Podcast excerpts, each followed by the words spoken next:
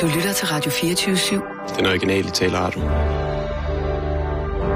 Velkommen til den korte radioavis med Rasmus Bro og Kirsten Birgit Schøtz-Krets Hørsholm. Var det Øslem, der gik der? Det var Øslem, ja. Gud, hun er lav. Ja, hun er ikke ret stor. Hvad er Og hun? jo, Johanne stopper jo. Nej, hvad? Er hun halvandet meter høj? Hun Hva? er ikke meget mere end halvandet meter høj, er hun det Øslem? Øslem?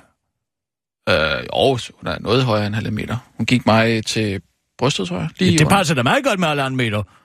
Ah, De er jo meget... hertil? Årsagen til, at de er så lavstamme dernede, er jo, at det er dårlig ernæring. Hvem? Hvor? Dernede? På Nørrebro, eller hvad? Nej, så vil jeg jo sige deroppe. Nej, altså, øh, øh, syd, sydpå ved Mellemøsten. Ikke? De får jo ikke, øh, for det første, får de ikke øh, øh, næring nok, når de er gravide. Okay, nu, og så jeg, bliver fosteret for smart. jeg, jeg, tror faktisk, hun var højere end, øh, end Bodil. Hun er altså fra, øh, fra, fra Nordfyn. Jamen, det er jo også... Altså, og rygeoster, der er jo ikke noget kalorier i det stas. Man skal have masser af kalorier som spæd, så får man en veludviklet hjerne. Det er jo fedt, der opbygger hjernen. Det er derfor, jeg er blevet så klog, fordi jeg er det primære år, og i mine uh, altså, dannende år, hvor jeg udviklede uh, mine hjerner og mine organer, fik så meget dobbeltpaneret flæsk. Okay, ja.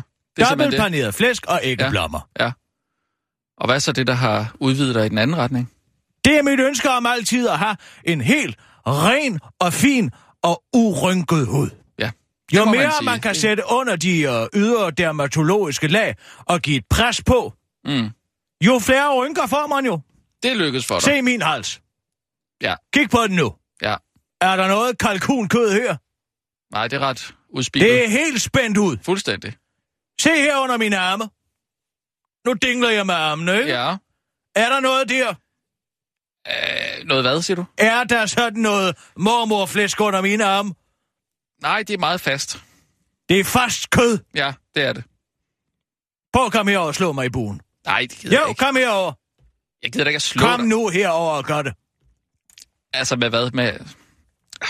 Giv mig et dask her på siden jeg- af min mave. jeg slår- Kom nu herover og gør det. Det er jo i uh, så videnskabelige øje med. Jeg har da ikke tænkt mig at slå en gammel Giv- dame i... Du skal, det er jo ikke et Houdini-slag, du skal give mig i maven, vel? Du skal bare give mig sådan et lille dask. Altså et dask? Ja, Hvordan? men du skal kigge her, med, men med kig, over, fladhånd. Fladhånd. kig herover på siden af min ene uh, dele her, ikke? Ja. Og så kig herover, hvor den er på den anden side af maven. Så prøv at give den et dask her. Okay, så, så nu dasker jeg. Er du klar? Ja. Ja, den, den dasker helt over på den anden Prøv side en gang der. en gang til. Ja, men nu har jeg set det. Men Er det ikke fantastisk? det går faktisk helt op i øh, brystet. Øh, det, Ja, stadig men har, det altså er fordi, det er fast fedt. Det er altså fedt, som man får primært ved indtag af øl. Må jeg lige prøve en gang til? At den går helt op til brystet. Er det ikke fantastisk? Jo. Det er der altså ikke mange, der kan. Ja, må du godt holde. Vil du være venlig at lade være? Det var, ja, det var fascinerende. Det er så sådan en uh, af de her tic-tacker, man kan få. Newtons cradle til at stå. Altså, som er en dyrfærd stående på det, så Ja. skrive på, ikke? Jo, jo. Klik, klik. Prøv lige at kaste et blik ud af vinduet. Ah, det er godt vejr. Nej, nej, Det er nej. rigtigt. Kig ned i uh, handicapbåsen dernede. Handicapbåsen. Hvilken en af handicapbåsen er det? Den, der er lige dernede ved handicapskiltet. Jeg har fået Ja. ja. handicapskilt, fordi jeg er Portugal. Jeg kan ikke gå så langt, siger jeg. Ja, Hvad står der der? Der står en øh, rød... Hvad er det? En rød... Øh... Det er min spritnye bil. Er det din? Er den ikke flot? Ferrari-rød. Hold Style da up. Nå, det, Det er, er op. Er simpelthen op. topmodellen. Det er en, en, en op stadigvæk. Så, hvad, hvad, hvad så med de, de andre? Ja, dem har jeg beholdt. Jeg Så manglede, tre ops nu. jeg manglede simpelthen en bil i en farve, som kunne symbolisere passion ja. og liderlighed. Okay. Jeg bliver altid så liderlig, når jeg skal til Firenze. Skal vi køre i den til... Så kører vi i den, og så er den også helt ny, så er der ikke noget bøvl. Så vi skal køre i, i den bil, der gør dig... Der gør dig... Øh... Det er ikke bilen, altså nu har du omvendt kausalitet. Det er mig, der har en følelse, og derfor vælger jeg en bil. Eh? Så du er, er vild i varmen. Derfor køber Også du en... i den grad. Så du køber en, Altså, en når rød... du først kommer derned og mærker vinden, brisen, slår igennem pinjerne, ikke? Ja. Der kommer i sådan, jo. Ikke? Ja, ja, ja. Det bliver som i en drøm. Er du sikker på, at vi ikke bare skal tage den hvide vin? Nej, vi tager den liderlige bil. Kør, Sissel! Og nu, Live fra Radio 24 Studio i København. Her er den korte Der er ikke automatgear i. Kirsten Birgit Nej, okay, Så er jeg rigtig karæs. Der blev slået hårdt ned på urostifter. Der er efterhånden ingen, der længere har respekt for de offentlige ansatte. Om det er, fordi de offentlige ansatte ikke rigtig har gjort sig fortjent til respekten er lige meget, men nu er regeringen i hvert fald klar med en pakke, der skal give folk respekten tilbage for de offentlige ansatte. Og den pakke hedder Respektpakken, udtaler den ene, og justitshævner Sauron Pind til den korte radioavis og forklarer, at det snedige ved denne pakke er, at man nu ikke længere behøver at finde den skyldige urostifter. Med den nye Respektpakke er alle nemlig skyldige, forklarer Sauron Pind til den korte radioavis og henviser til, at domstolen nu skal have mulighed for at idømme straffe kollektivt i form af et erstatningskrav, uanset om de personer, som har forvoldt skaden, kan identificeres eller ej. Muhaha! Hold kæft, det er ondt. Så kan det nok være, at folk tænker sig om to gange, før de trapper op til en demonstration, når de skal risikere at blive straffet for noget, de ikke har gjort, siger justitshævneren til den korte radioavis. Han har siden januar brygget på, hvordan han skulle skærpe straffen for, hvad han selv kalder trusler og pøbeladfærd, og nu er løsningen altså Fred på jorden og i menneskets velbehag, udtaler Sauron pænt, inden han banker sin hårdt, hånd hårdt ned i bordet til for, Jeg vil ikke vide af nogen form for optøjer eller trængsel. Der vil blive slået hårdt ned på ordstifter, udtaler han og meddeler, at han øh, resten af dagen kan træffes i Folketinget. Så gik den ikke længere, you snooze, you lose, Cruz. Man skal som bekendt stoppe, mens lejen er god, og lejen var for længst blevet rigtig træls for senatoren med den dumme mund, den texanske Ted Cruz. Efter endnu et svidende nederlag i primærvalget i Indiana i nat valgte han at stoppe kampagnen til øh, tilhørende storsov. Det var dog Cruz's kone Heidi, som nyheden ramte hårdest, bogstaveligt talt. Efter et akavet lang knus gav Cruz en albu i hovedet, fordi han i sin iver ville drage en anden mand ind i omfarvelsen.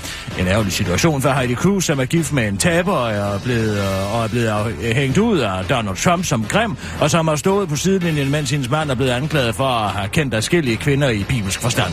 Det, der startede som en joke, er nu rammer alvor. Trump er republikanernes præsidentkandidat, medmindre han glider, øh, han glider i sin selvbrune og brækker nakken, gud forbyde det. Han har dog øh, også sat alle sejl til kamp mod Cruz. Senest beskyldte han Cruz's far, Rafael Cruz, for at have været i ledtog med lige Harvey Oswald i mordet på John F. Kennedy. His father was with Lee Harvey Oswald prior to Oswald's being, you know, shot. I mean, the whole thing is ridiculous, sagde Trump til Fox News tirsdag. Så nu er der lagt op til titanernes kamp, Trump versus Clinton. Let the games begin, and may the odds be ever in their favor. Katten Derek har ingen ører. Vejen til lykke har været lang for den nu 10-årige kat Derek, en nysgerrig kat, der fører sig frem på Berlins dyreinternat, skriver tyske Bild. Han er altså en velfungerende kat på trods af, at han er blevet døv, fordi begge ører måtte fjernes på grund af sygdommen. Da han blev afleveret på internatet for to år siden, var han beskidt, udmagret og havde inficeret ører, der lignede blomkål, og måtte derfor, øh, de måtte derfor fjernes, hvilket desværre gjorde Derek døv, skriver BT. Den manglende hørelse gav Derek en depression, der først gik væk efter, da dyreinternatet fik en healer til at hjælpe Derek. Men nu har Derek øh, altså fået det bedre og er klar igen, og talskvinden fra dyreinternatet, Berthe Kaminski, forklarer præcis, hvad Derek leder efter. Vi søger en stor lejlighed med en stor, sikker balkon til ham. På grund af hans døvhed kan han ikke længere klare sig selv ude og væk fra hjemmet. Der bør heller ikke være børn, siger hun til Bild. Hvis du ikke har mod på en kat, men godt kunne tænke dig en elsker, så er du måske øh, den ikke så høje kvinde med hvid trøje, mørkt hår og sødt smil, kørende i en grå bil, muligvis en Suzuki, som Dan tabte sit hjerte til på en Q8-tank, og nu efterlyser i Facebook-gruppen Helsingør. Jeg havde problemer med standeren. Vi havde super øjenkontakt. Jeg stod bare mobbet. Vi snakkede øh, lige kort efter, øh, lige kort, og du sagde, virker den stadig ikke? Bum, så var du væk. Findes du derude, så skriv til mig. Kærlig hilsen, Dan. Det var en kort radiovis med Kirsten Birke Sjøtskrets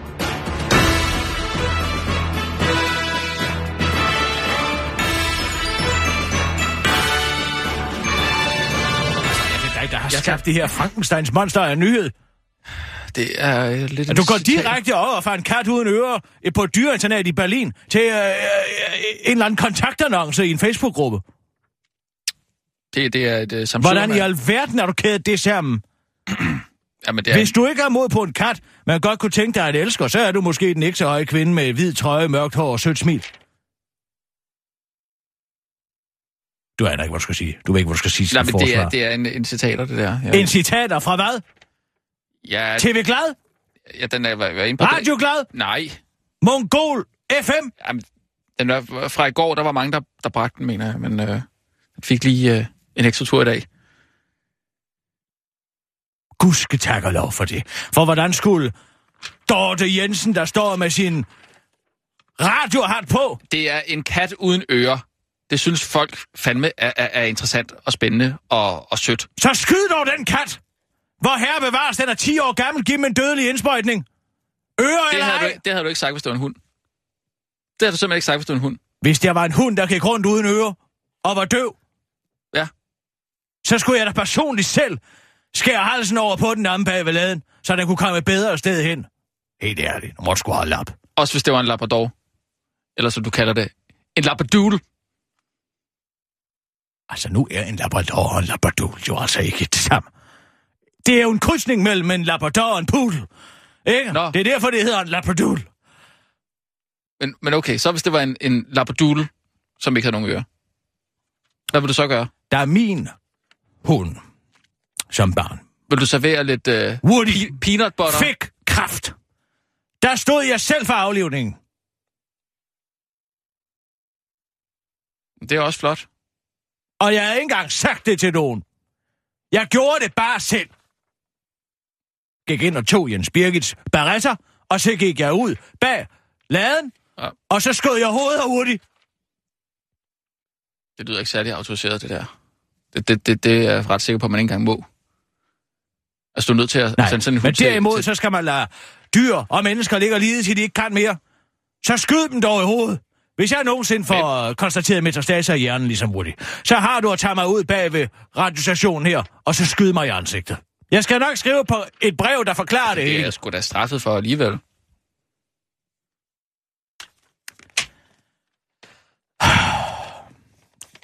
Jeg vil gerne, jeg vil gerne bede om, at der ikke længere er nyheder om kat uden øre. Jamen, det tror jeg heller ikke, der kommer. Der kommer nok en nyhed om en, om en kat. Øhm, Kirsten, Om Sissel? angående den der snapseprøve, jeg har fået svar fra laboratoriet med den der følgeseddel. Altså, ja, dem, som skal verificere, om der er vand i snapsen i, Ja. grø- i grøften. Vand i snapsen i grøften. I snapsens Der- grøft. Nej, øh, grøftens snaps. Stativ, kasket. Vand i snapsen i grøften. Ja? Øhm, de skal bruge minimum 200 ml. Hvad siger du? 400 ml. 400 milliliter? Ja, Skal de bruge næsten en halv liter snaps for at kunne determinere, om hvorvidt der er vand i? Ja. Altså, er det et laboratorium eller en eller anden gammel klog kone, der sidder over i Varde og schusser sig frem? Hvad er bevares? Det var det der laboratorium, vi fik anbefalet. Nej, nej, nej. Nu må du også stoppe. Ja. Altså, er vi enige om, at det måden, man har beslutter en alkoholprocent, er ved hjælp af massefylden? Hvis man mm. kender øh, volumen og vægten, så må man vel kunne regne sig frem til, hvad alkoholprocenten er? Eller Ja, har jeg misforstået jeg noget? Ja, de må have en er anden øh, pipette. Er det fordi, de skal altså. lave en flydetest? Det kunne... Ja, det vil jeg tro, modbart. Og det eneste, de har at gøre det i et badekar, eller hvad? Har de ikke sådan en pipette, hvor de lige kan, kan øh, stikke ned i den der beholder der, og så dyppe det op på et eller andet øh, papir? Jeg tror altså ikke, det er den måde, man bestemmer det på. Hva, hva, Jo, jo, hva- men- jo, jo, ligesom, så læg det øh, op på et stykke køkkenrulle, Ja, eller hvad, ja, og så nej, til det. men du lige- Så ligesom øh, til at måle pH-værdier og sådan noget, så kan man altså ikke lige man dukke det kan op. jo ikke verificere alkoholprocent ved hjælp af en lakmustest, din store idiot. Jeg ved da ikke, hvad de har. Nej, følg med i skolen, eller hold din kæft. Hvor, altså, kender du udtrykket almen dannelse? Det betyder faktisk, at man har en rimelig vel bredt funderet forståelse af matematik, kunst, fysik, Ja, men- astrologi, astronomi, alle mulige ved jeg forskellige ikke, ting. hvordan de laver deres prøver der. Jeg siger bare, må ikke de har en pipette, hvor de kan tage den der alkoholprøve Hvad der i og alverden skulle det hjælpe, at de havde en pipette? Det var sgu da... Ja, fordi så... Og så de- læg det ned i en petriskål, og sæt det ind i et køleskab og vent så et halvt år. Sæt Hvad? det, analysere det eller et eller andet, En, ikke? en slynge måske? Ja. Lige analysere det en gang ved hjælp af den der pipette, som de tager alkohol med, lægger over på et eller andet... Altså, Magisk stykke papir. nej, men så i forstørrelsesglas eller et eller andet, man skulle da kunne se nogle... Sissel. Ja. Har du taget kontakt til et universitet? Ja, det er netop det, jeg har. Nå! Og hvad siger de? De kan måske godt finde ud af det. Ja, ja. De synes, de synes faktisk, det var lidt underligt med det der andet laboratorium. Og så er det ude. Hvad, hvad så med RTR? Har du skaffet nogle airchairs? Altså, jeg har ikke haft tid til at ringe til dem. Men Du har ikke haft tid til at ringe til dem. Hvad snakker du om? Du har haft to, to tre dage hvad nu. skal jeg sige til dem, Rasmus? Jeg tror altså heller ikke... Til anmeldelse! Jeg har jo sagt det. Til anmeldelse. De ved jo ikke, hvem du er. Jamen, det er sgu da Kirsten, der skal anmelde det. Du skal du ikke hive mig ind i dit uh, pamperi her. Du vil sgu da også gerne have en airchair. Jeg er en enkelt, men du går jo all in, og vi har uh, både 4, 5 og 6 airchairs med ned igennem en biltur. nej, nej, nej, nej, det var ikke det. Det var ikke det. Du skulle have en, jeg skulle have... Hvad sagde jeg? To, tre? 4 tror jeg, vi er inde på. Det var fordi Allan også skulle have en. Jamen, Jeg tænker også sige, på Allans fødselsdag. Kan du ikke bare tage en sort affaldssæk og fylde Nej. luft i den og lægge der på den? Fint, jeg vil gerne prøve sådan en airchair, okay? Og jeg gider ikke betale de der 600 kroner for, hvad fanden de koster. Prøv at høre, så sig, hvad, altså, er det, er det antallet, det kommer an på? Sig 4. C4. Sig 4. Nå. 4 airchairs. Til Kirsten. Lad være med at stå og skælde Sissel ud. Du kan sgu da selv ringe, hvis det er. Vi er i gang med en journalistisk er afsløring. en af, hvem- nyhedsredaktør. Jeg kan nu skal da du, godt give Hallo, nu skal videre. du eddermame passe på, Jamen, jeg vil at du ikke bliver ved med at afbryde mig, fordi så bliver jeg vred. Vi er i gang med en afsløring. Sissel har kontaktet det ene inkompetente laboratorium efter det andet. Det er Ja. jo ikke hendes skyld, at de ikke kan finde ud af at verificere alkoholprocenten Og- i... Hold din kæft! Ja. i en lille ampul. Nej. Nu har hun rent faktisk gået et gennembrud. Og så står du og gør hende op i røvhullet efter en eller anden airchair, som du gerne vil have. Ring selv! Vi er faktisk nogen, der prøver at lave journalistik her. Apropos det, Sissel. Det har du fået fat også- i 3F? Nej, det har jeg ikke endnu. Men jeg har fundet et nummer på en, der hedder Jan Villersen. Deres transportchef? Ja. Jamen, jeg bliver nødt til at høre, hvad fanden meningen er med den. Må jeg lige sige noget? Nej, hvad? Hvad må du sige? Det er faktisk en journalistisk historie, jeg er i gang med det jo. Jeg vil gerne lave en øh, øh, anmeldelse af den her airchair, for at finde ud af, om det er sommerens hit, okay? Og derfor sender jeg den bold videre til Sissel, hvis job det er at ringe og skaffe den slags ting til anmeldelse, okay? Danskerne bliver bombarderet af snyd og fros og 3F-kampagner, der fremstiller dem som lallende, inkompetente, asociale idioter. Og så står du der og gør hele dagen til, om hvorvidt du kan få en pose, en lufttæt pose, som du kan lægge dig på ja. på en eller anden gudsforladt campingplads. Hvad var Skal det, vi du... også have nye jingler, eller hvad? Hvad er der nu? Nye jingler, hvad fanden Jamen, til? Rasmus' anmeldelse. Rasmus skal eddermame ikke lave et forbrugermagasin under min paraply, det kan jeg godt fortælle dig. Jeg, Der sætter jeg eddermame jeg grænsen. laver den på nettet, okay? Jeg laver en anmeldelse Har af du nu den... også fået en blok? Nej, men jeg laver det inde på, øh, på vores øh, Facebook-profil. Så laver jeg en, en, øh, en anmeldelse af den her airchair, okay? Synes du ikke, der er slemt nok derinde? Synes du jeg ikke, at det er den ene perlerække efter Du ligegyldige skal, video? du skal bruge Kirsten Birgits navn til Nej, det. det skal du ikke. Jo, det- det, hvis du vil lave det her, så kan du gøre det selv. Så brug den korte radiovis. Nej. Se om du kan skaffe fire airchairs til en, en eller anden nobody. Ja, undskyld, jeg siger det. Som hedder Rasmus Hallo, Bro. skulle du ikke også have en airchair, eller hvad? Jamen, jeg skal nok skaffe min airchair selv. Så kan du sgu da godt lige skaffe fire.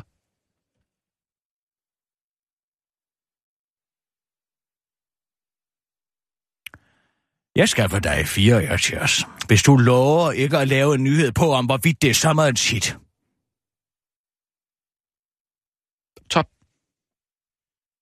Videre til 3F, Sissel. Ja. Hvem har du skaffet nummeret på? Jan Villersen. Deres transportchef. Er det ham, der er ansvarlig og betaler gildet for den der Uberman-video? Ja, så vidt jeg har forstået. Ja, tak. Ring til ham. Ja. Jeg forstår ikke, at vi skal skænde så meget herinde. Det, det, det var ikke mig, der startede det her. Du er desperat efter den stol! Ja, fordi jeg skal er på ferie. Jan Lige- Villersen 3F. Lige et øjeblik, Jan Villandsen. Jeg er ligeglad med, om du skal på ferie. Du skal ikke bruge det her programs navn til at skaffe dig alle mulige goder og godter. Det er mig, der gør det. Alle andre journalister skulle da. Goddag, Jan Villandsen. Det er Kirsten Birgit Sjøtskreds Hørsholm fra den korte radiovis på Radio 24 Goddag, hvilken er? Må jeg have lov til at bede om forklaring for den patroniserende, nedladende video, Uberman, der besøger sin mamme, og som ødelægger hele samfundet efter sine på, øh, efter jeres øh, mening, ved at tage sig en Uber? Mener du den øh, nedladende? Om jeg mener, den er nedladende. Hvordan kan det være hver eneste gang, at man skal lave en oplysningskampagne i det her land, så skal dansken fremstilles som et usolidarisk, asympatisk, lalleglad idiot? Den er jo tænkt som en oplysningskampagne, Kirsten. Oplysningskampagne. Hvem er det, der betaler hoveddelen af, det, af skattebilletten i det her land? Er det virksomhederne? Nej, det er det ikke. Nej, det er jo Uberman selv, ikke? Jo, det er folk som De betaler 93 procent af alt, hvad der kommer i statskassen. Og så skal de også finde sig i at blive fremstillet, som om, at de under, de laver statsundergravende virksomhed, fordi de tager en app og tager en taxa og nægter at betale 450 kroner for at køre i lufthavnen. Det var ikke det, der var meningen med kampagnen. Nej, men det er sgu sådan, det fremstiller.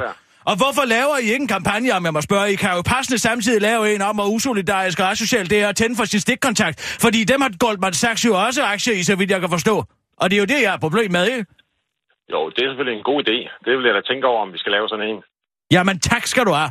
For jeg ved ærligt talt ikke, hvad det er, og hvad der ligner. Det er hver eneste gang, at man skal lave noget, hvor der indgår en dansker. Så skal man se sig selv portrætteret som... Ja, jeg ved fandme ikke, hvad jeg skal kalde det. Hvem har været kreativ direktør på det magtværk? Uha, det er der mange, der har. Det er jo en uh, ret gode film og humoristiske film, så der er mange, der har været ja, der- deres aktier med. Og hvad tænkte? Må jeg have lov til at høre, hvad var tanken bag? Tanken var at lave en oplysningskampagne om, hvad, hvad samfund vi gerne vil have i fremtiden. Og selvfølgelig også, om vi kunne tage fat i de firmaer, som snyder og bedrager med skat. Men desværre kan vi jo ikke tage til, til Bermuda og, og, og få fat i, i Uber rigtigt. Nej, så langt skal man heller ikke nede i EU-kommissionen. Der sidder en mand, der hedder Jean-Claude Juncker. Det er ham, der har fundet på hele Luxembourg-finden. I kunne da starte med at lave en video om det. Ja, det vil vi også gerne. Og Panama-finden. Øh, men nu har vi taget fat i Uber-finden. Men hvad vil, sige, hvad vil det sige, Uber-finden? Jamen, det er jo, at øh, man fører penge ud af landet, og, øh, og man ikke betaler skat, ja, og tak, det betyder det- noget for vores alles velfærd. Men det gør alle virksomheder i Danmark jo, bortset fra måske syv af de store virksomheder, som øh, har- valgt at betale skat i det her land, ikke? Jo, det er rigtigt. Det er rigtig mange virksomheder, der gør. Det er jo det, vi gerne vil starte en debat om, om det er det samfund, vi gerne vil have. Det tror jeg ikke, vi vil. Men, uh, men, det, men nu må jeg lige have lov til at sige en ting. Kunne man ikke også prøve at forklare taxabranchen i det her land, at man kunne konkurrere på service og på pris? Altså, hvis man lige pludselig som Amager Øbro Taxa kan sætte prisen 25% ned fra den ene dag til den anden, så har man måske haft for stor en profitmargen. Det lyder også mystisk. Det er rigtigt, og jeg synes også, at taxa skal forbedre sin service. Øh, sådan er det. Og vi skal have sådan, at vi kan selv vælge, hvad for en taxa vi vil med. Hvis servicen er god i en taxa, så er det dem, vi bestiller for eftertid. Men det arbejder vi også på. Jamen, jeg håber, at jeg kommer til at se sådan en Uberman-video mere. Er der planlagt flere i den følgetong?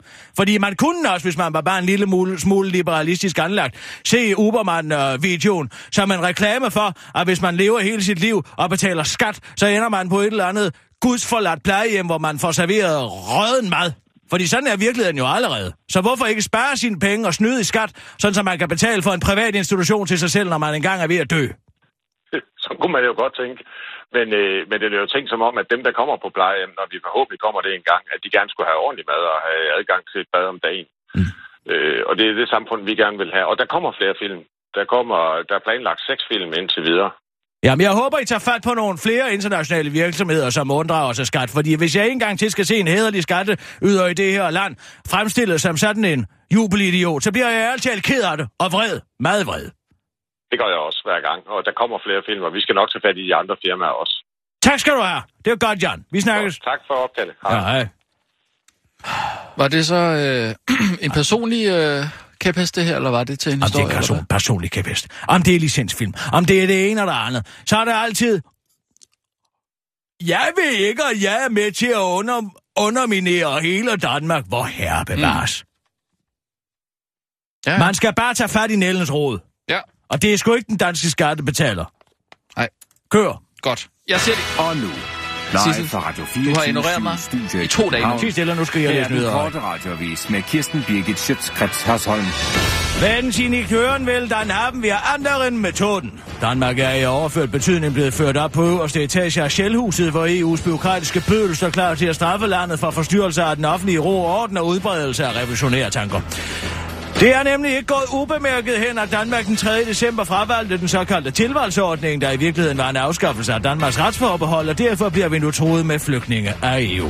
I et mødereferat fra EU-kommissionen, som Jyllandsposten er kommet i besiddelse af, fremgår det nu, at kommissionen vil give lande, som har valgt tilvalgsordningen, såsom Storbritannien og Irland, muligheden for både at blive i Dublin-forordningen, der giver landene mulighed for at sende flygtninge tilbage til det EU-land, de først er registreret i, samtidig med, at landene kan nægte at modtage EU's kvoteflygtninge. Men men det må Danmark ikke. Derfor vil EU give Danmark følgende valgmuligheder. Stå uden for Dublin-forordningen og blive flygtningemagnet, eller acceptere flygtningefordeling dikteret af EU. Udspillet ser de radikales leder Morten Østergaard øh, som et klokkeklart bevis på, at det ville have været bedst bare Margrethe overgive retslig suverænitet til EU. Vi kan ikke forvente, at de andre lande vil løse opgaven med flygtninge fra Danmark, når vi kun vil have fordelene, men ikke vil tage del i slæbet, siger han til Jyllandsposten og tilføjer til den korte radiovis. Jeg skal være den første til at byde vores europæiske herrer velkommen. Vi radikale har altid gået ind for en samarbejdspolitik, når vi har mødt en overmagt sydfra, der gerne vil have bestemme over Danmark. Formanden for EU-kommissionen, den bundkorrupte Jean-Claude Juncker, afslører over for den korte radioavis, at han fik ideen til at straffe lande, der ikke makker ret med flygtninge fra islamisk stat. Det er jo det, islamisk stat gør mod os i Europa, så nu gør jeg det bare igen mod mindre suveræne lande. Jeg kan ikke bryde den sociale arv, siger han, mens han bryder ud i et uhyggeligt latter akkompagneret af torden. Der dog bliver afbrudt af en lille dreng, der spørger, om Danmark ikke bare kan løse sine problemer ved at melde sig ud af EU. Menneskeretsboss gør ingen forskel. Folketinget burde, øh, burde i eftermiddag bune af folkevalgte med røde ører, når de i dag modtager Institut for Menneskerettighedernes årlige beretning. For set med menneskeretlige briller har det seneste og stærkt, fly, stærkt flygtningepræget år været usædvanligt dårligt, fortæller instituttets direktør Jonas Christoffersen til politikken og peger på udsættelsen af familiesamføring for visse flygtningegrupper til tre år, samt muligheden for at frihedsberøve nyankomne uden domsprøvelse som det værste rent øh, menneskeretslige. Man har strammet helt op til kanten og på en måde, som ikke er set før. Og fra statsministerhold siger man, at øh, måske skal man øh, helt ændre spillereglerne, siger direktøren til politikken og refererer til, at regeringen og andre borgerlige partier officielt gerne vil udfordre forskellige konventioner, som Danmark har tiltrådt. Det billede kan udenrigsminister Christian Jensen dog overhovedet ikke øh, genkende. Nej, siger ministeren til politikken og fortsætter. Jeg synes, det er ret åbenlyst, at vi har haft behov for at stramme op på vores udlændingepolitik, siger han og tilføjer til den korte radiovis. Det er godt, at rapporten, øh, rapporten kommer. Det er vigtigt med forskellige perspektiver, både fra Institut for Menneskerettigheder, fra Udenrigsgranskeren og Folketingets ombudsmand, you name it. Men øh, nu er det bare sådan, at der er forskel på nice to do og need to do, og man kan ikke gøre alt glæde. Og heldigvis behøver man heller ikke gøre alt glæde, når man ikke er forpligtet til det øh, ved ærgerlig lov, afslutter ministeren til den korte radioavis, mens han med stor succes forvandler rapporten til mange papirfly, der ikke kan flyve. Remi i retten skylder måske, måske ikke 60.000 kroner. Sangerinde Soluna Samai mener, at Nea-producer, Nea-sanger og Nea-X-Factor-dommer Remis firma skylder en 60.000 kroner, og derfor er BT nu i stand til at lave en rigtig nyhedsbasker og en afsløring.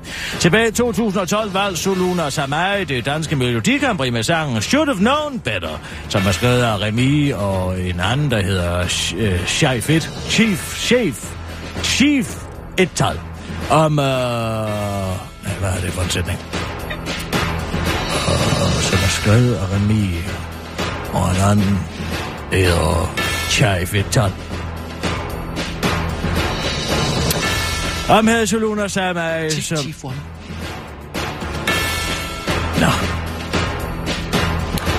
Om havde Soluna Samai som artist i artistudviklingsselskabet Rish. Soluna Samai mener nu, at hun har til godhævende royalties, men det mener Remis advokat eh, Claus Målbæk Bensen dog ikke. Faktum er, at man sendte en reality statement til eh, Soluma selv. Samer, Sim.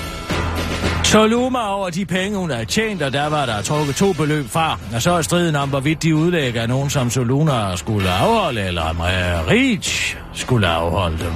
Altså, om man er berettiget til at trække dem fra eller siger Claus Målbæk Benten og tilføjer, at sagen højst sandsynligt ender med Remi.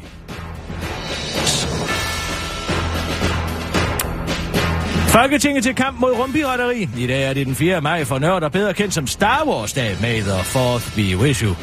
Og det er derfor meget passende, at Danmark nu har fået sin første lov om aktiviteter i det ydre rum. Det var det enigt folketing, der stemte rumloven igennem, så det er åbenbart der, der skal samles. Øh, det er måske det er åbenbart det, der skal samle det danske folketing. Byråkrati i rummet og en stor astronautfascination. Loven om øh, skal regulere aktiviteter i rummet, for eksempel hvis du sender en rumgenstand op, som forvalder skade på personer eller ejendom på jorden, eller hvis den støder ind i noget under sin flyvning, er du øh, med den nye lov erstatningspligtig. Ministeren kan også stille krav om, at du skal tegne en forsikring, før du sender noget ud i rummet, men indtil videre har hverken tryk eller europæisk rejseforsikring nogen rumpakke.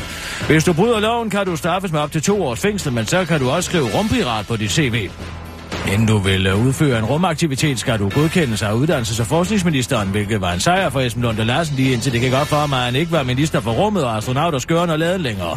Hvis Ulla Tørnes har brug for min ekspertise, så springer jeg til og til og til. Og det gælder om at kontrollere de hvide rammer, der er i rummet, så vi ikke en dag stiger ned i et sort hul, som vi ikke kan komme ud af igen, udtaler ministeren til den korte radioavis. Hvis du pynser på en tur i rummet, så kan du passende sætte kursen mod tre eksotiske ølplaneter, som belgiske forskere netop har fundet og opkaldt efter trappistøllen. Tag god tur og husk at tegne en forsikring, og may the force be with you. Ja. Det var den korte radioavis med Kirsten Birke Sjøtskrets sådan.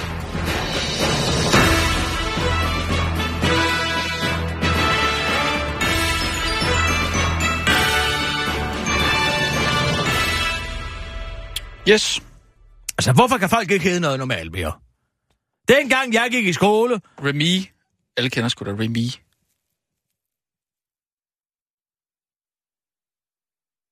Nu tænker jeg på Chief 1. Chief One. Hvad i alverden er det? Det er jo, altså, han er producer. Det, det er et uh, kunstnernavn. Da jeg gik i skole, der hed alle Susanne eller Kirsten. Vi var seks Kirsten i min klasse. Åh.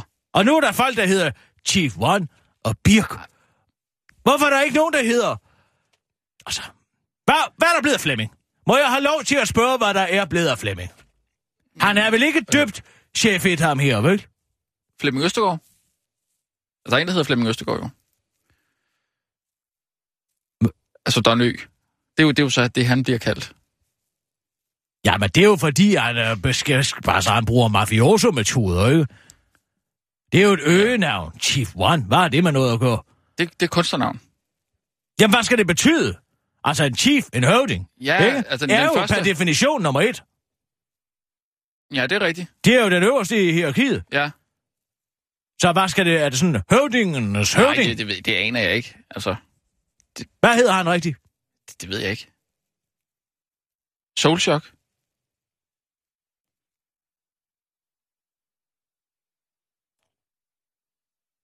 Hvad siger du?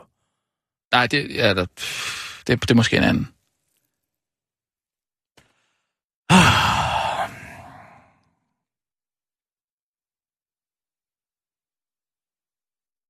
Har vi fået en kontakt til uh, SOS Villabyerne? Eller gen, noget? Gentofte Lokalavis Villabyerne? Ja, ja. Det Hvad nu? jeg. Hvad med Villabyerne? Ja, jeg har jo et udstående med uh, psykoalderen. Åh, den har du tabt, Kirsten. Jeg har aldeles ikke tabt noget. Du har psykologens ord for, at øh, det er en 12-årig pige, der har skrevet det der læserbrev. Og det er ikke hendes mor, fordi masser af 12-årige sagtens kan skrive på den måde.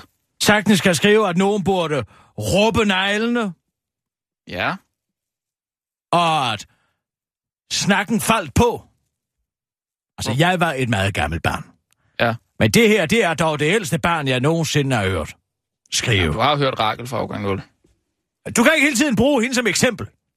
Jeg bliver nødt til at ringe og finde ud af, om der er beviser for, at det er det, er skrevet af Selma, og ikke hendes opmærksomhedskrævende mor. Fordi at jeg er efterhånden ved at være ret overbevist om, at der findes enormt mange mennesker ja. i det her land, som forsøger at leve igennem deres børn. Og jeg tror, at Selmas mor måske ikke er begavet nok til at skrive noget, som ville skabe nogen opmærksomhed, hvis det var skrevet af en 45-årig kosmetolog. Men derimod, hvis det var skrevet af en 12-årig skolepige, så kunne det være, at det ville lyde begavet, ikke? Men altså, Rakel fra afgang 0 har engang udtalt, Min mormor er lige død, men det var en smuk begravelse. Det har hun engang sagt, jo. Ja, men har hun sagt, at der er noget problem med kønsrollemønstrene i dagens Danmark? Nej, det kunne hun godt have sagt. Og det er, at vi lever i en personi- per- pornificeret kultur. Nej, det kunne hun sikkert godt have sagt. Jeg Der er siger bare, forskel på giv at sige, op, Kirsten, min mormor er lige død, og det var en smuk begravelse. Du har og tabt på til- at sige, at det, kønsrollerne er helt forskruet. Ja, ja. Men jeg siger bare, at du har tabt til en psykolog. Altså, du, du bad om at få hans er professionelle vurdering. psykolog, Så er man jo ikke, øh, sidder man jo ikke med facitlisten på alt. Nej, nej, men det er bare, når du beder om at få hans professionelle vurdering, fordi du ja, gerne så var have... det så den forkerte ekspert, jeg ringede til, og det er jeg selvfølgelig ked af. Jeg skulle have ringet til en anden. Okay. Men jeg gider ikke at høre på Henrik Dag mere. Nej, men så øh, ring til Villabyerne. Jeg må og- lige høre. Er det deres debatredaktør, vi skal have fat i? Ja, han hedder Jesper Bjørn Larsen. Så ring op til ham. Ja. Der er meget, man skal nå, inden man skal på ferie. Jeg forstår bare ikke, hvorfor du godt må have den ene kæphest efter den anden, og jeg må ikke Fordi ringe. at mine kæpheste betyder noget, og ikke handler om, hvor meget luft man kan fylde ind i en sæk og sætte sig på den. Nej, men nu har jeg faktisk besluttet mig for, at jeg gerne vil til Kløften Festival. Og hvis jeg skal se den festival ordentligt, så vil jeg gerne have en, en ordentlig ære til at sidde i. Plus, at jeg skal ned til... til Kløften Festival. Ja. Hvad i alverden er nu det for noget? I, ja, en festival. Er det et festspil? I Sønderjylland? Nej, det er sådan en festival. Og hvad bliver der spillet der, om jeg må spørge? Musik. Jeg har ikke lige set programmet endnu, men... Det er Du sådan, bare gerne ud og sidde på en mark. En sæk fyldt med luft. ja, det er da Vil perfekt. det er Jesper? Goddag, Jesper. Du taler med Kirsten Birgit Sjøtskreds Hørsholm fra den korte radiovis på Radio 24 Goddag, Kirsten Birgit. Goddag. Hvordan går det derop? Jo, tak. Er der nogle vigtige lokale nyheder at tage fat på? Ja, det synes jeg. Synes jeg da. Hvordan klarer I hele flygtningssituationen? De talte ikke, de au pairs, hva'? Nej, altså PT øh, står den vel der, at, øh, at kommunen øh, har store problemer med at finde øh, boliger til alle de her flygtninge, som vi har pakket på dem, Ja. ved at, ved at skrive om, øh, om de her øh, mærkværdige au pair-regler. Øhm, Det er jo også så det- svært at at finde råd til det med den kvadratmeterpris. Ja, ja, det er jo altså øh, det, vi tit hører, at der er ikke rigtig mulighed for at bygge almindelige boliger i Gentofte, fordi at, øh, ja, som du siger, grundpriserne er så høje, og ja, det er svært at bygge Men altså nu vil jeg, Mærsk jo lige givet 750 millioner til de socialt udsatte. Hvad med det der palæ, han boede i? Det ligger der også i Gentofte, gør det ikke det? Jo, det gør det da, det gør det da, men... Øh, Godt være fonden skulle donere det. Var de skulle få sig en på opleveren. Ja, det kan du sige, det kan du sige, ja. Nu skal jeg lige høre en ting. Ja, Journalist til journalist. Jeg har snust ja. lidt i jeres debatsektion. ja, Og jeg må sige, at jeg synes, der er noget, der stinker. okay. Det drejer sig om øh, debatindlægget Kære drengeforældre, hvor er I? Mm-hmm. Af Selma Klarskov. Ja, jeg kan godt huske det, ja. Nu er den jo ellers blevet noget af en basker. Mm, Ja. ja, Hos de store nyhedsaviser også. Berlingske politikken er kørt. ja, jeg har godt bemærket det, ja. Jeg skal sige, jeg skal komme direkte ud af busken. Mm. Jeg tror ikke, over en dørtærskel, at denne tekst er skrevet af en 12-årig pige. Nå, hvorfor ikke det? Skal jeg læse noget op for dig? Ja, endelig. Jeg er en 12-årig pige, der i dag var på tur i Botanisk Have med min klasse, mens vi gik igennem alle de gamle træer, faldt snakken på, hvad drengene forventer at kunne få os piger til i forhold til sex. Ja, Hvem vil man være sammen med? Hvordan ser de på det? Og hvordan de allerede i vores alder har et helt forkert syn på kønsrollerne, og en forestilling om, at vi piger bare er en flok sexbomber, som de kan bruge, når de har lyst. mm-hmm. Så slutter hun af, og det er mange eksempler, ikke? Jeg har ikke lyst til at høre på deres forskruede syn på sex og deres forestillinger, jeg har snakket med min mor om det. Hvem snakker med dem om deres fordrejede øh, forventninger? Hvem har ansvaret for deres Facebook-grupper, der omhandler porno, hvor drengenes forældre hen er i der overhovedet? Jeg tror bare, I skal råbe neglen og tage en ordentlig snak med jeres drenge. ja, ja. Er, er det udtrykket råbe neglen, eller hvad er det, der gør dig mistænksom? Altså, indicier bliver jo først rigtig vigtige, når der er cirka 50 af dem per sætning. Altså. Ja. fald snakken på, og nogensinde hørt en 12-årig pige sige det. Råbe neglene. Snak med jeres drenge. Det er jo sådan noget, forældre siger til hinanden over hækken. Vil I være venlige lige at snakke med jeres drenge om, at de ikke skal komme og plukke æbler i min have? Det er jo ikke nogen 12-årig pige, der siger.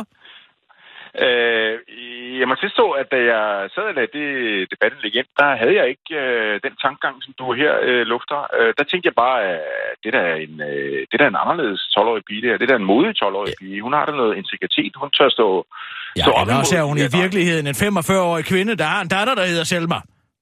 Jamen, det er klart, hvis, hvis du kan dokumentere for mig, at det er en 45-årig kvinde, eller en... en Kan du dokumentere for mig, at det ikke er en 45-årig kvinde?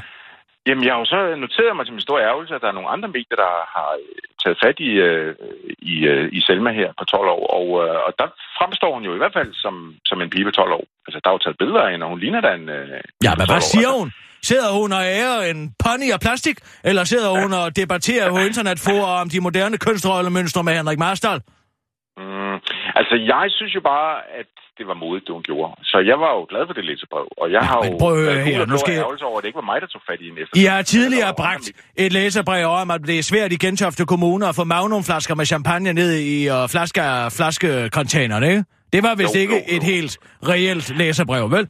Ej, ej, der rammer du ned på en litorn. Øh, Det, det, øh, det, var en, øh, det, er en, det er en ren tilståelsessag. Så det med den et, historie, I har, hvordan Nå. sikrer I jer så, at dem, der skriver debatindlæg rent rigtig eksisterer, og det er dem, der har skrevet dem?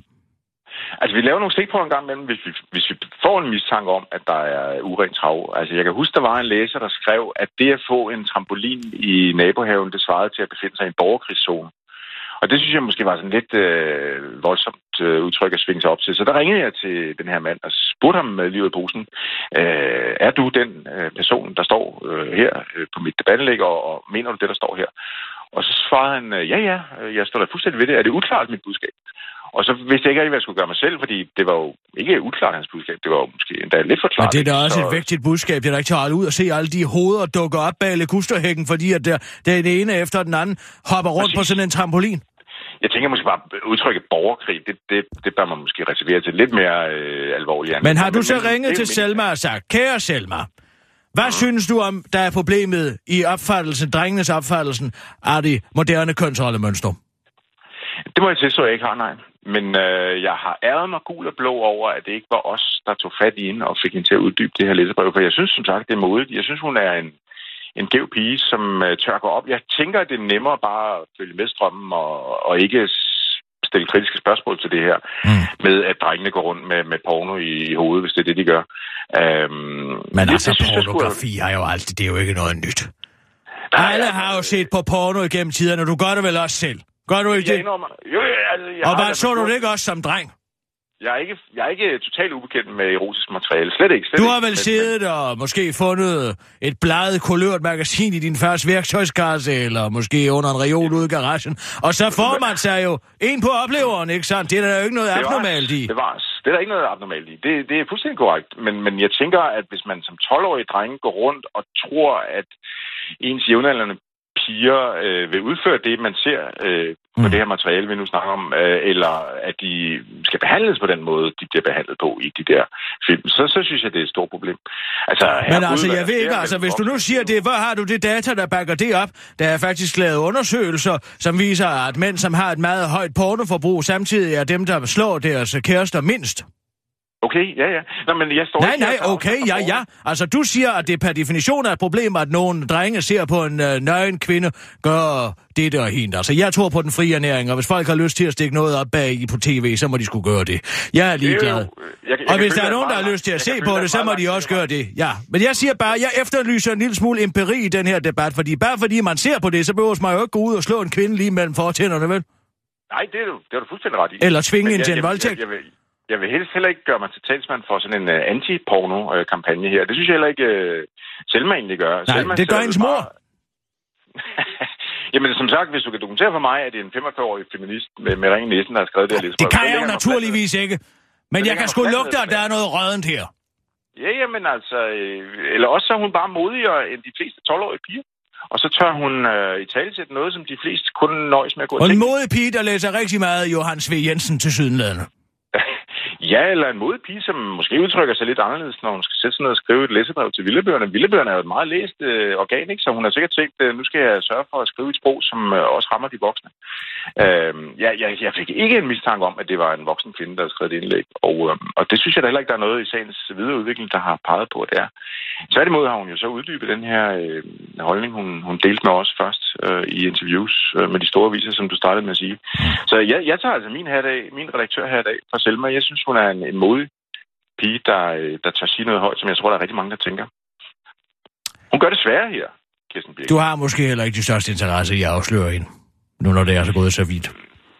Nej, altså, jeg, jeg, jeg, jeg, jeg øh, accepterer fuldstændig, at der har været et satirisk indlæg. Der har måske også været to i Villebjørnen, som vi skulle have fanget i stikprøvekontrollen. Og den der med magnumflaskerne, den var for tyk. Så at vi ikke fangede den, det er, det er pinligt. Øhm, så nej, jeg Ja. ja. har ikke som udgangspunkt noget problem med at Jeg forstår. hvis vi har Vi er uenige. Det er så fint. Tak for din tid. Jeg skal læse nyheder op. Det er udmærket. Det er godt. Tak Hej. for dit opkald. Hej. Så, nu kommer vi vist ikke længere med den sag, hva'? Jeg skal nok finde mig noget. Nej, Jo, du er i gang med at om jeg så skal lave et hemmeligt interview med pigen. Så det gør. lave et hemmeligt interview med pigen. Om jeg så skal ringe op og bånde det hemmeligt. Jeg synes, det Lad er som om forkert. jeg ringer ned fra fritten. Jeg synes, det er forkert, at en, en, en grænvoksen dame, Nej, nej, nej. Ældre er det. Jeg dame. ringer og siger... er i gang med at forsøge at afsløre en Det 12-årig er- pige. Ja, jeg er jo ikke i gang med at afsløre en 12-årig pige. Jeg er i gang med at afsløre hendes mor. Som værende den virkelige skribent. Ja, Eller ja. måske hendes vattede far. Nå, nu er det en vattet far, eller hvad? Det er Kirsten Birgit, jeg ringer ned fra fritten. Hvad- Jamen, du må gerne Det- lige det er slet ikke jagte hende ned, Sissel. Kør! Og nu, live fra Radio 24 Studio i København. Her er den korte radiovis med Kirsten Birgit Schøtzgrads Hasholm. De gamle kan ikke være med. Bortset fra beskæftigelsesminister Jørgen Niergaard Larsen har alle ministeren Facebook-profil skriver politikken i den vanvittige, grundige og meget lidt kritiske gennemgang af polit- toppolitikernes aktivitet på Facebook, som de i går kunne præsentere. Det er et valg, jeg har truffet, og et valg, jeg fastholder. Der er ikke en debatplatform, jeg ønsker. Det er ikke en debatplatform, jeg ønsker at være en del af, siger Niergaard Larsen til politikken, og han har det ifølge politikken meget på samme måde som finansminister Claus Hjort Vader, der trods alt beriger Facebook med sin tilstedeværelse cirka en gang om måneden. Det øh, har lidt øh, tabt interessen, fordi øh, man bliver svinet lidt til. Så er man for tyk, og så er man for dum. Det er jo på det plan, og jeg bryder mig ikke om. Det konkluderer Hjort Vader til politikken og tilføjer til den gode radiovis. Det er ikke fedt, når det bliver personligt. Jeg vil elske at diskutere politik med borgeren. Der har jeg lutter gode argumenter. Jeg kan simpelthen ikke gøre det bedre, fordi der ikke er nogen penge. Det er lidt sværere at skulle forklare, hvorfor man er fed, afslutter ministeren til den korte radiovis. Men heldigvis for de gamle har de regeringens alderspræsident, kulturminister Bertel Hårder at spejle sig i. Han har nemlig ifølge politikken fundet sin egen formel til kommunikation via Facebook. Jeg skriver kun, når jeg har en historie. Det bliver delt utrolig mange gange. Jeg har været op på at nå 300.000, siger en stolt Bertel Hårder til politikken. Og alt er jo en god historie, hvis det bliver fortalt ordentligt. Det var nat, tilføjer ministeren til den korte radioavis. Tobaksindustrien taber. Nye EU-regler, der kræver større øh, advarsler på cigaretpakker, forbyder mentolcigaretter i, øh, og strammer reglerne for elektroniske cigaretter er lovlige, og dermed og klar til at tage fuldt i kraft. For det er ifølge EU-domstolen overraskende nok absolut intet galt med EU's lovgivning, siger EU-domstolen i en skældsættende afgørelse, der samtidig er et stort nederlag for tobaksindustrien. Anført af ondskabens akse, Philip Morris og British American Tobacco og tobaksindustrien nu forgæves forsøgt at få underkendt enten hele eller dele af EU's nye tobaksdirektiv, som de mener er i strid med reglerne for det indre marked og tager overdrevne sundhedshensyn. Blandt andet skal minimum 65 procent af de cigaretpakker nu være dækket af billeder og tekster, der skal oplyse dig om, at rygning er farligt. Og det er en streg i regningen for de senrige tobaksgiganter, hvis foretrukne beskæftigelse i de seneste mange år ellers har været at føre astronomiske retssager mod fattige og derfor er stadig massivt rygende lande, såsom Uruguay, hvis befolkningen i de lande er så dumme at ønske sig en øh, stram rygelov, så de kan stoppe med at ryge. Det må de ifølge tobaksgiganterne ikke, for så kommer tobaksgiganterne og ruinerer dem med hjælp fra deres venner, datterselskaber i Schweiz og bilaterale, bilaterale trade agreements, bilateral trade agreements. Tak Europa! Nød jeg sund lorteliv, siger en anonym lobbyist til den korte radioavis, mens han border et privatchartret fly mod det mørkeste Afrika. En lille, kæmpe, bitte sejr for danske principper. Det er efterhånden sjældent, at man hører om situationer, hvor vi danskere ikke har givet efter og lavet knæfald for islam, men nu er der godt nyt til dig, der mener, at det øh, nu kan være meget godt bare en gang imellem at stå lidt fast på den sidste rest af dine principper, selvom du i så fald er en folkeracist, når du gør det. Nu må seks muslimske kvinder nemlig ikke længere møde op til undervisningen på VUC i Lyngby, fordi de bærer den islamistiske klædedragt niqab. Det sker efter, man på VUC i Lyngby er kommet frem til, at det er umuligt at kommunikere med en, der sidder under et land. Det er resultatet af en proces, vi har haft på skolen, hvor vi har konstateret, at det har givet problemer med læringen, når kvinder kommer med Kim Nikab, siger Inge Vold, der er viserektor på VUC Lyngby til Metro Express, og dermed er racist, selvom hun understreger, at pigerne dog fortsat kan følge undervisningen via e-learning. Børsen dolker kærespilot i ryggen. Journalist på børsen, Steffen de Vries, opdagede i går, at en kæmpe appelsin var faldet lige ned i hans storbånd, mens han sad og renskrev et trivielt Q&A-interview, han havde lavet med kærespilot og alternativ alternativ for Arne Uffe Elbæk. Jeg sad og var ved at falde i søvn, da jeg hørte båndet igennem. Det var vildt lidt røvsygt. Designermøbler eller IKEA, sommerhus eller luksusrejse, Michelin-restaurant eller pølsebod. Jeg lirede den bare af, og svarene var, svarene var forudsigelige og kedelige. Det ville være blevet en rigtig røvsyg lorteartikel, siger Steffen de Vries, der dog under svaret på spørgsmålet aktier eller obligationer. Lige for spørgsmålet, spiller du lotto? Hører noget, han i første omgang ikke havde lagt mærke til under selve interviewet. Jeg troede ikke min egen øre. Jeg blev faktisk nødt til at spole tilbage, men det var der lige på båndet, siger han. Han siger, det der aktiemarked, det er godt nok det største skub i min karriere, siger Steffen de Vries og forklarer, at han straks ringede til sin redaktør for at lægge en plan for, hvordan de kunne få Uffe Elbæk til at fremstå som komplet idiot ved at udnytte en direkte talemåde. Vi besluttede os simpelthen for at citere ham for det lige i overskriften, fordi det ville bekræfte vores økonomisk interesserede læser i, at alternativet er et fantastparti, der ikke engang ved, hvad et aktiemarked er, siger Steffen de Vries, der kort tid efter kunne lægge sidste hånd på en ligegyldig artikel, men med en fængende overskrift. Uffe Elbæk, det der aktiemarked er mere skadeligt, end det er godt. Det er sådan nogle dage som denne, hvor jeg bliver bekræftet i, hvorfor jeg blev journalist, siger børsenjournalisten til den korte radioavis, mens han læner sig tilbage og tager et sur sin cigaret. Det var den korte radioavis med Kirsten Birgit Sjøtskrets.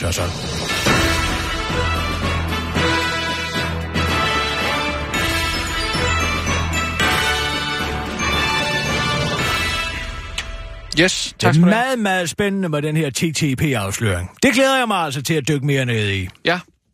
Øh, det- John Hillary fra Independent har allerede været i gang. Nå, han har, okay, ja. Ja. Han siger, det er Det- værre, end vi troede. Ja, jeg forestiller mig. Ved Men- du, hvor mange stoffer man ikke må putte i kosmetik i Europa? Mm, 60. Godt 1300. Ja, Ved du, hvor okay. mange man ikke må putte i amerikanske kosmetikprodukter? 60 måske. 11. Nå, okay. Og hvis man får den her TTP-aftale igennem nu, Mm. Så bliver det også 11 i Europa. Så må vi bare leve Ja. ja. med, at vi smører vores øjne ind i noget, der kan få en kanin til at eksplodere. Ja. Ikke? Men det, det synes jeg... Det er ligegyldigt. det synes Eller jeg- noget, der kan få Ja. ja. røvhullet til at falde af en bavian. Ja, det synes jeg helt klart er en af de historier, vi virkelig skal, skal dykke ned i, og prøve at se, om vi ikke kan få has på. Jamen, bare Og må jeg jeg, må lige- sige, at jeg for første gang er jeg fortrøstningsfuld, efter at det er blevet afsløret, hvad den her sammenhandelsaftale går ud på. Så må jeg sige, nu tror jeg sgu for første gang på, at det ikke kan lade sig gøre. Ja. Men det er måske en sag for Trolleherren. Ja, når der, hvis det kommer til en TTP-afstemning. Ja, eller et eller andet. Det tror jeg øh, nu ikke, det gør. Nej. Men, men øh, i den forbindelse, der kunne jeg måske godt lige tænke mig bare lige sige her på faldrebet, at jeg synes lige, vi skal blive bedre til som team her, lige alle sammen at, at gøre det, at vi, øh, vi går med på hinandens idéer. Vi går med på de historier, som, som der er, og, øh, og så følger vi dem øh, ellers til dørs, ikke?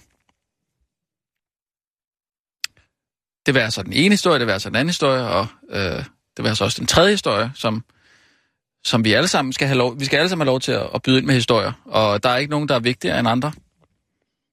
Der er, der er helt klart øh, tunge nyheder, og så er der øh, lette nyheder, og, og begge dele, begge den type historier er Og der er sindssygt- nyheder om, at EU nu vil straffe lande, der gør oprør mod deres byråkratiske vanvidssystem. Ja. Og så er der historier om, at man kan sidde på en sæk til Kløften Festival. Er det det, du mener? Nej, nej, det er ikke det, jeg siger. Det er ikke det, jeg siger. Hvad er det så, Men du siger et- præcis? et, øh, For jeg kan altid ligge navigere i det managementsprog, du er i gang i. Det er farvand. Det har jeg ikke nogen pejlemærker i. Nej. Så hvis du vil sige noget til mig, så Ja. ja. brug venligst jeg konkrete siger, eksempler. At der er selvfølgelig tunge historier. Ja, det er det der. kan være Der er vigtige historier, TTIP, og der er ja. ikke vigtige historier, Okay, som en kat, ja. der mangler Nej. sine ører. Nej, nej. Og så er der historier om TTIP. Ja, men det er fordi, hvis der kommer tre tunge historier i, i, i træk, så slår folk fuldstændig fra. Der er nødt til at komme noget Hvordan i let. alverden kan det blive mit problem? Ja, det er jo dit problem, hvis der ikke er lytter, der Nu skal jeg fortælle dig, hvad der sker. Når folk de har hørt en vigtig historie om uh, en samhandsaftale, som er i gang med at ruinere hele den planet, vi bor på, og så bagefter høre en historie om kat, der ikke har nogen ører. Ja. Det er, at deres dogne hjørner, de sorterer det fra, som de ikke kan forstå, og så siger Ja. de, nå gud, det var morsomt, at der var en kat, ja. som ikke havde nogen ører. Og det er nemlig lige præcis det, der er problemet. Men du tror jo, at alle de uh, vigtige nyheder, du, du bringer, det får folk til at løbe ned med høtyve og, og fakler ned foran Det skete Christiansborg. sgu da den 3. december, gjorde det ikke det? Ah, Nej, hvad? Hvad vil du kunne sige? Hvad vil du sige, hvis du kunne tale? så vil jeg sige, at, uh, at det er jo et eksempel på, at, at det er en, det er en, uh, en historie, der, der bliver...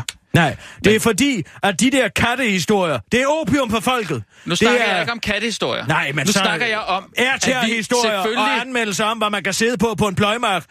Det er opium for folket. Det er jo derfor, at den mest besøgte hjemmeside, det er Ekstrabladet. Men Kirsten, Fordi der kan man læse Kirsten. om, hvad, man, hvad folk har klemt op i røven på sig selv, ikke? Og hvad man kan... Og alt Kirsten. muligt andet. Det vigtige, det står på Må side jeg lige 25. have lov til at få et nej, ord indført? Du er med Der til at undergrave. om- Man burde lave en Nej, Uberman-video nej, med dig, nej, nej, nej. der er i gang er med, som en eller anden lalleglad idiot, der skriver en historie om øh, en hund, der mangler et ben, eller en øh, delfin, der har spist en papegøje, Nej, eller hvad fanden ved jeg. Er øh, tale om Det en er- benhård journalistisk historie, hvor et firma går ind benhårdt og siger, her kommer sommerens sommerhit. Det her er det største. Det er det her, alle kommer til at beskæftige sig med i år. Det er den her RTR. Og så er der et, et, et, et, så er der et, et klart journalistisk mål, hvor vi går ind og prøver at finde ud af, om den er så god. Fordi hvis den ikke er så god, den RTR... Så du har læst en så- pressemeddelelse, der påstår, at man har fundet verdens bedste sidde på. Og så vil du med hjælp af din kritiske journalistiske sand gå ind og efterprøve den. Du vil det smadre dem. Du vil kunne- Hold da op. Tænk engang, hvordan verden ville se ud, hvis du bare fik din vej. Så ville vi leve i et rent utopia. Jo, men- Når vi om 50 år flød rundt på en tømmerflod op i øh, Nordhavet, fordi at hele polerne... The ice is melting at the poles! Ja, men jeg siger, altså... Der, til alle festivaler i år, der kommer folk til at sidde på de her RTR's rundt omkring. Og hvorfor? Fordi de har fået tudet ørerne fulde med, at den her øh, RTR, den er sommer, sommerens store hit. Og der er vi altså nødt til som journalister at gå ind og finde ud af, om den er så god. Og der vil jeg gerne gå Du vil for. måske også gerne have en billet til Roskilde Festival, så du kan teste den ud der. Det gør det ud fra, at vi får.